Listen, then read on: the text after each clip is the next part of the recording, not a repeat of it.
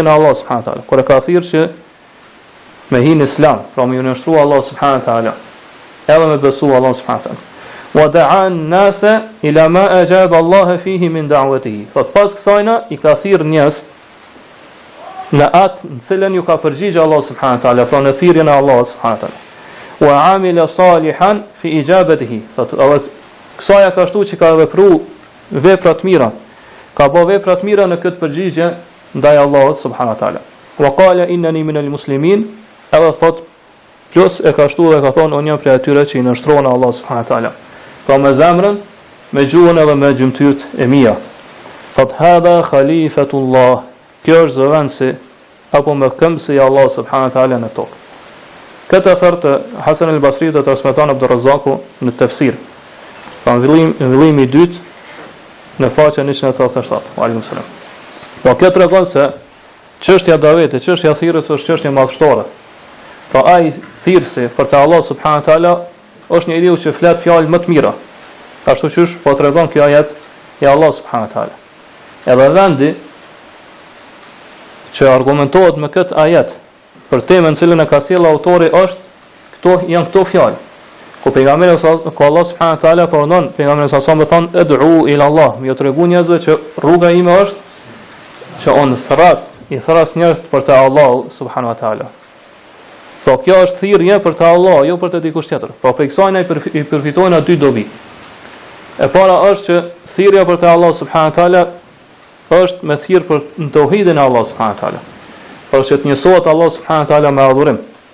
Edhe me braktis adhurimin e dikujt tjetër përveç Allahut subhanahu wa taala.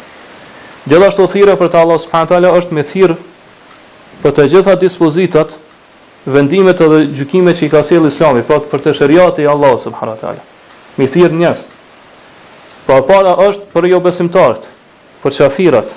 Mi thirr ata do thotë që me hy n'Islam edhe me adhuru Allahun subhanahu wa taala të vetmin. Kurse e dyta është që mi thirr mëkatarët prej muslimanëve. Pra mi u bë davet atyne. Mi thirr për te Allahu subhanahu wa taala, pra mi thirr që mu kthy me pendim te Allahu subhanahu wa taala. Mi kry obligimet edhe me jau tërhek vërejtjen prej rënies në shirk dhe gjithashtu mi urnu që ti largohen ose mi këshillu që të largohen prej harameve, prej gjërave që i ka ndaluar Allahu subhanahu wa taala. Pra daveti nuk është i kufizuar vetëm në thirrjen e qafirave apo mi thirr ata në Islam, pra në hyrjen në Islam. Mirpo gjithashtu edhe musliman kanë nevojë që na do thotë mi u bë davet. Ata janë të nevojshëm që daveti ose daveti ynë të përfshijë edhe ata. Që mos të binë ata në gjynahe, mos të veprojnë mëkate,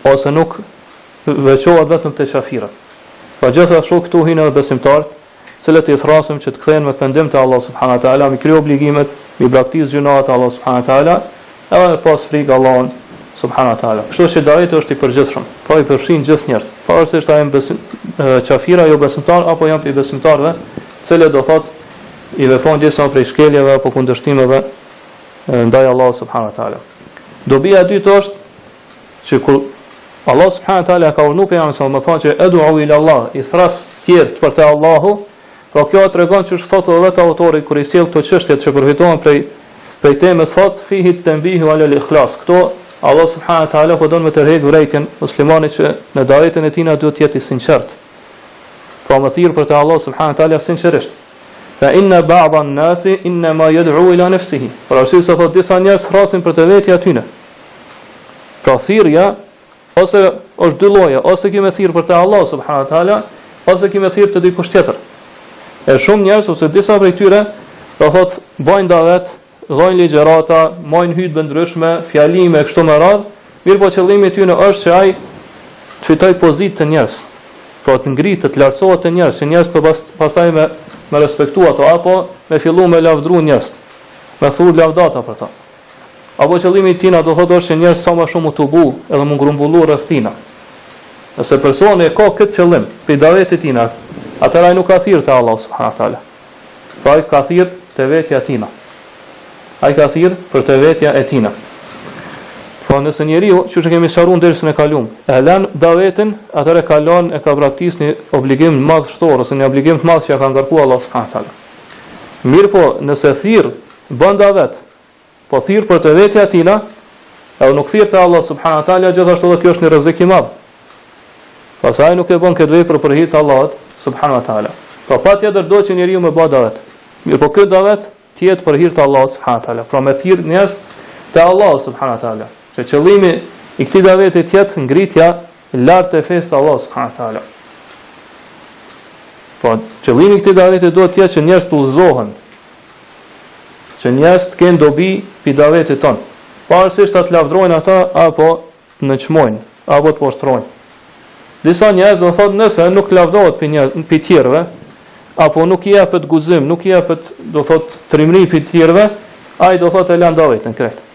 Kjo është argument, do thotë që ai nuk thirr te Allahu subhanahu wa taala, mirëpo thirr për të vetja tij. Prandaj shpesh e gjejmë se ai hidhrohet ose zemërohet kur njerëz do thotë nuk i përgjigjen asaj gjëje me cilën ky i ka urdhnu ai. Edhe pse nëse kqyret realiteti i tyne, ata do thotë e veprojnë një gjë edhe ma të madhe, sa i përket mëkatit, Apo peshës mëkatit është shumë më e madhe te Allahu subhanahu wa taala, mirëpo ky nuk i ka urdhnu për at gjë. Për ata nuk mërzitet, nuk nuk zemërohet. Mirëpo njerëzit nëse nuk i përgjigjen thirrjes tina ose urdhnit tina, atëherë fillon mu zemëru. Kjo tregon se ky njeri do thotë nuk ka thirrë te Allahu subhanahu wa taala. Prandaj muslimani duhet të ketë kujdes edhe duhet ta dijë që qëllimi dhe synimi i tij i vetëm prej davetit është sinqeriteti, pra që këtë davet, davet ta bëj sinqerisht për hir edhe për fytyrën e Allahut subhanahu teala. Pra që njerëzit të kenë dobi, të kenë dobi prej këtij daveti, t'i pastrojë prej shirkut. Pra t'i pastrojë prej shirkut, prej bidateve, prej mëkateve, prej kundërshtimeve të shumta. Edhe gjithashtu ta di se ky me këtë davet ai e kryen një obligim, të cilin ia ka ngarkuar Allahu subhanahu teala. Nëse rreth një personi mblidhen shumë njerëz,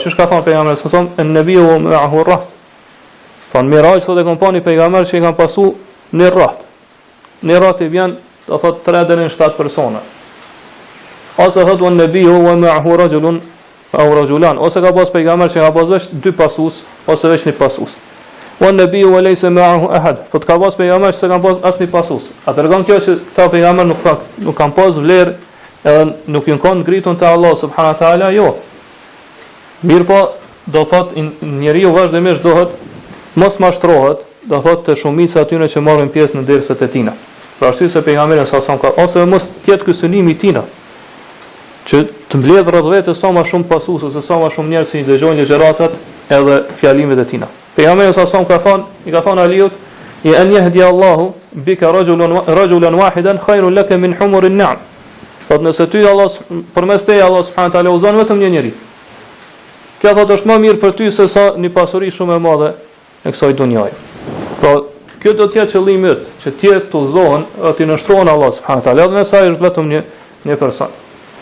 Një rast kur Ibn Mesud radiuallahu anhu ka dalë prej shtëpisë tina, kanë filluar njerëzit mu mbledh rreth tina dhe me pasu. Pra ka dalë me shku me fal në xhami, me fal namazin në xhami. Ata njerëz kanë filluar mu mbledh rreth tina dhe e kanë pasu. Atëherë Ibn Mesudi ka thonë irji'u, kthehuni, mos më pasoni.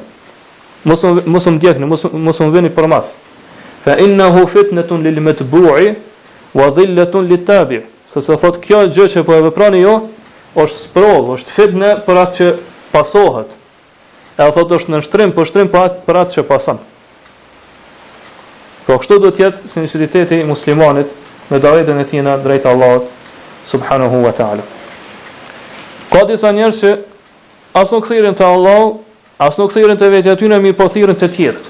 Edhe pse kjo në, do thotë, në esencë pak prapë kthehet në në interes apo në dobi tina. Qysh janë disa prej dijetarëve në thojza të cilët thrasin ose bojnë davet për të kryetari i tyne. Po thrasin për të kryetari i tyne. Po në shumë prej shteteve arabe ka, do thotë, prej dijetarëve të devijimit, prej dijetarëve të shtetit, të cilët do thotë qëllimi i tyre, do të thotë, ata nuk janë dijetarë të popullit, mirëpo janë dijetarë të shtetit apo të kryetarit. Ata i thrasin njerëz për të kryetarët e tyne. Shembull për këtë është kur ka dalë kur është shfaq në venet arabe ose venet islame është shfaq herën e parë ose së pari është shfaq ky socializmi. Edhe çka kanë bo disa prej dijetarëve devijanta Kanë fillu me argumentu që socializmin e përkrah Islami, edhe kanë pru ajete dhe hadithe sipas tyre që argumentojnë se socializmi është i mirë dhe duhet të pranohet prej popullit, duhet të pranohet prej masave të gjera. Po ata kanë thirrë për të kryetarët e tyre dhe bile çka janë mundu me argumentu me hadith, me ajete dhe hadithe. Alaikum selam. Edhe pse do thonë ato hadithe nuk ka fare argument. Ose argumentim shumë shumë i largët, qysh janë mundu me argumentu ata. Pra këta janë ata dijetarë të cilët thrasin për të tjerë, pra nuk thrasin te Allah, subhanahu wa ta'ala. Prandaj ai person i cili thret te Allah, subhanahu wa ta'ala, edhe sheh që njerëzit nuk, nuk për po i përgjigjen thirrjes tina. Përkundrazi, po largohen prej tina, atëherë kjo nuk duhet të jetë shkak që ai me lanë edhe me braktis davetin. Për arsye se qysh tha,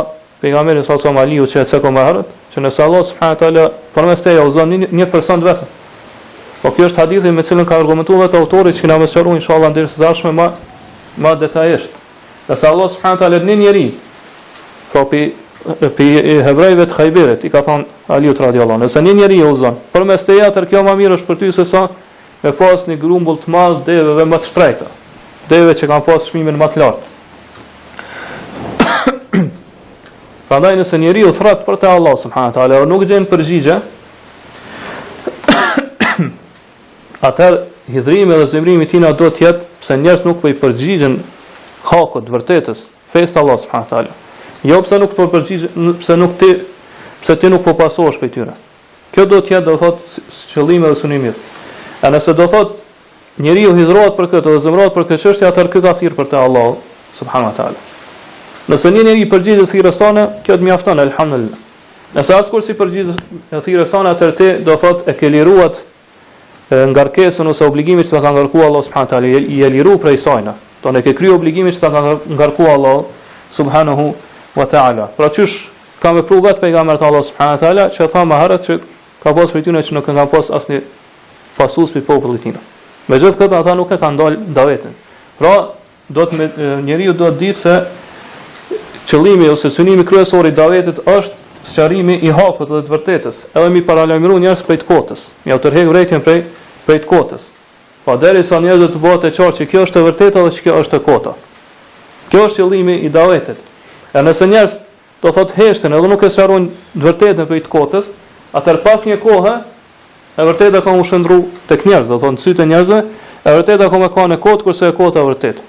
Do thotë qysh na po e shohim tash vetë e po e përjetojna këto. Që kur t'i thirr te Allahu subhanahu wa taala ata mendojnë se kjo është e kotë. Pse? Se muslimanët që kanë qenë para neve nuk kanë vazhduar me sqarimin e të vërtetës dhe paralajmërimin ose sqarimin e të kotës. Edhe na do thotë jena duke i bartë ato pasojat e kësaj neglizhence.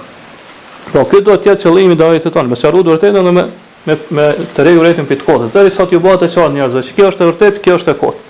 E nëse përgjigjen ata, alhamdulillah.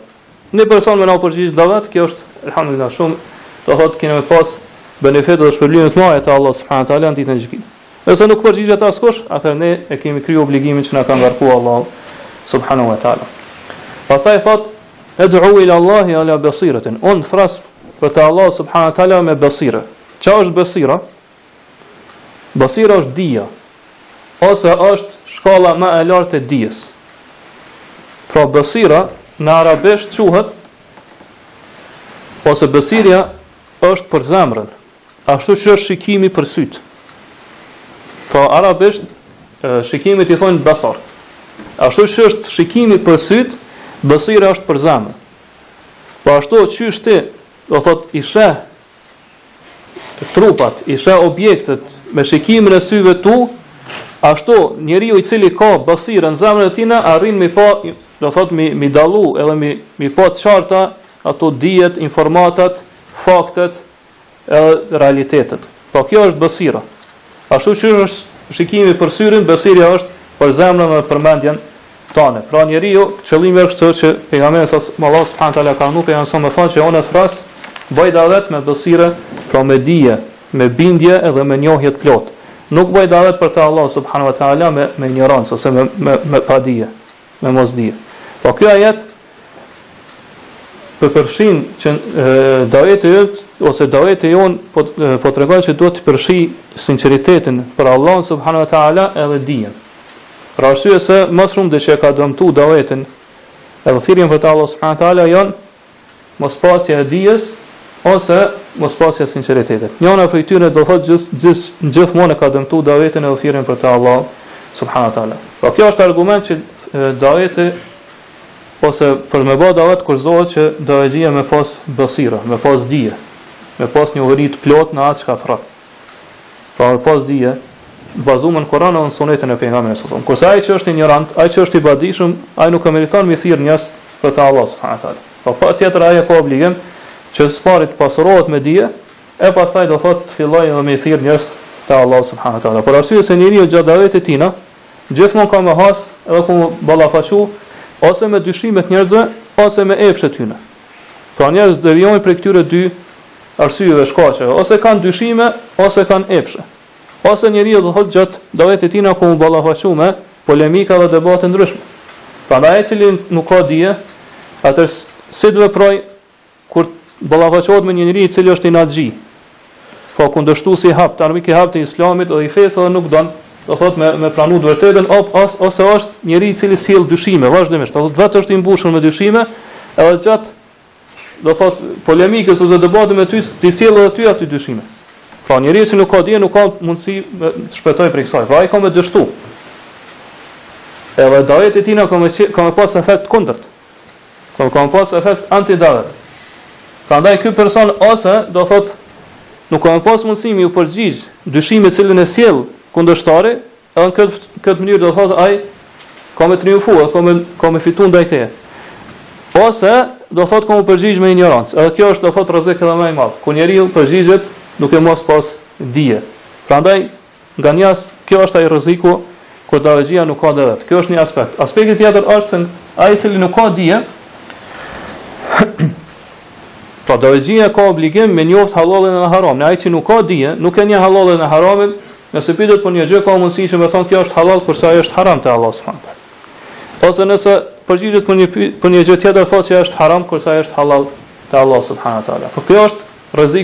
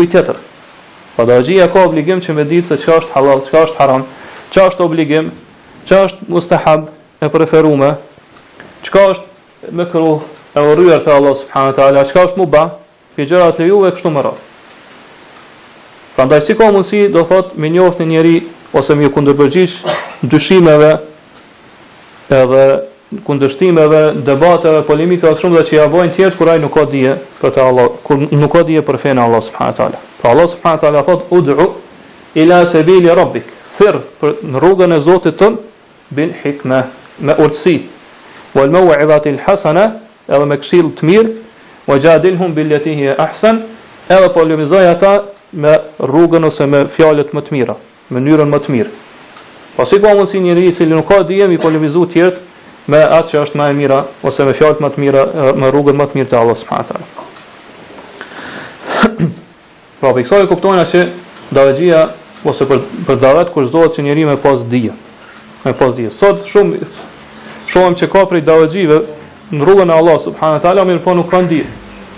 Po më së shumti që kanë ata është oratoria ose fjalët e mira.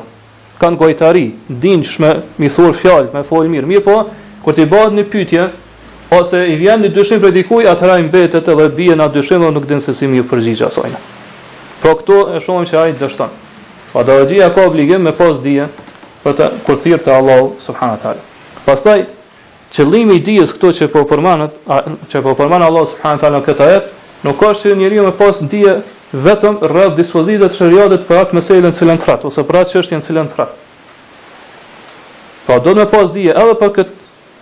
meselën të cilën thërret me ditë argumente prej Kur'anit dhe Sunetit, po gjithashtu duhet me pas dije edhe për gjendjen ose njohuri për gjendjen e atij cilin, të cilit po i bën davet.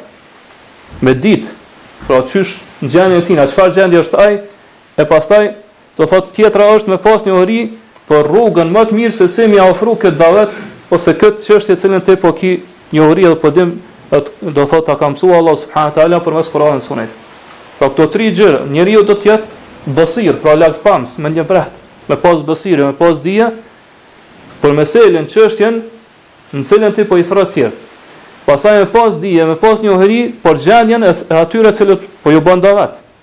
Po i thret. Nëse është një person apo një grumbull personash. Gjithashtu me pas dije për rrugët më të mira ose rrugën më të mirë që ti përmes tyre e arrin me realizu këtë davet.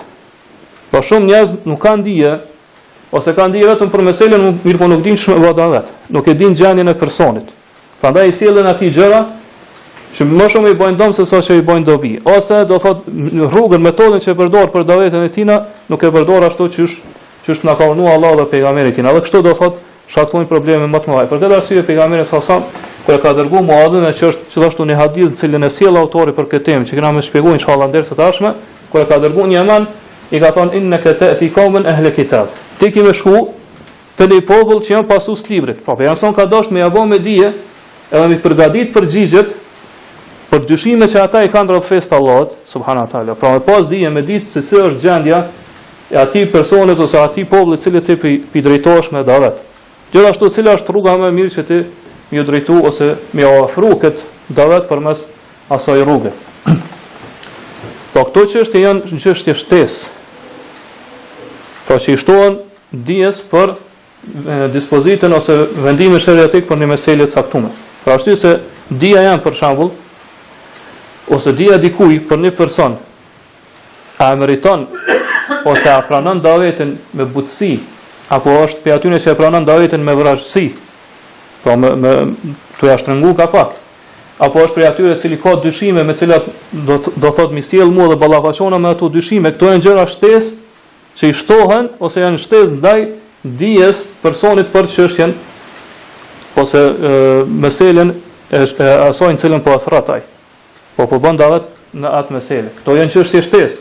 Për këtë arsye do thotë njeriu do të ketë dije për gjithë këto gjëra. Po ajo që është me rëndësi është që njeriu me pas gjithashtu dije, po qysh e tham me ditë rrugët përmes të cilave do thotë i tërheq dhe i përfiton ndaj atyre të cilët ju drejtohet me davet. Përmes inkurajimeve të ndryshme, qysh ka thënë pejgamberi sa sa për shembull në luftën e Hunejnit me men katele katilen felehu selbuhu hadithin që transmeton Buhariu e Muslimi thotë ai i cili e vret njërin prej armiqve atij i takon plaçka e atina. Me ia marr. Pra përmes saj ka dashur me i nxit sahabët që, do thotë me luftu sa më shumë në rrugën e Allahut subhanahu wa taala.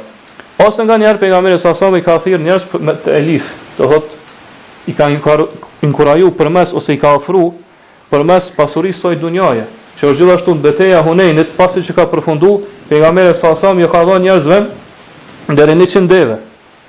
Po hadithi është në Buhari dhe Muslim.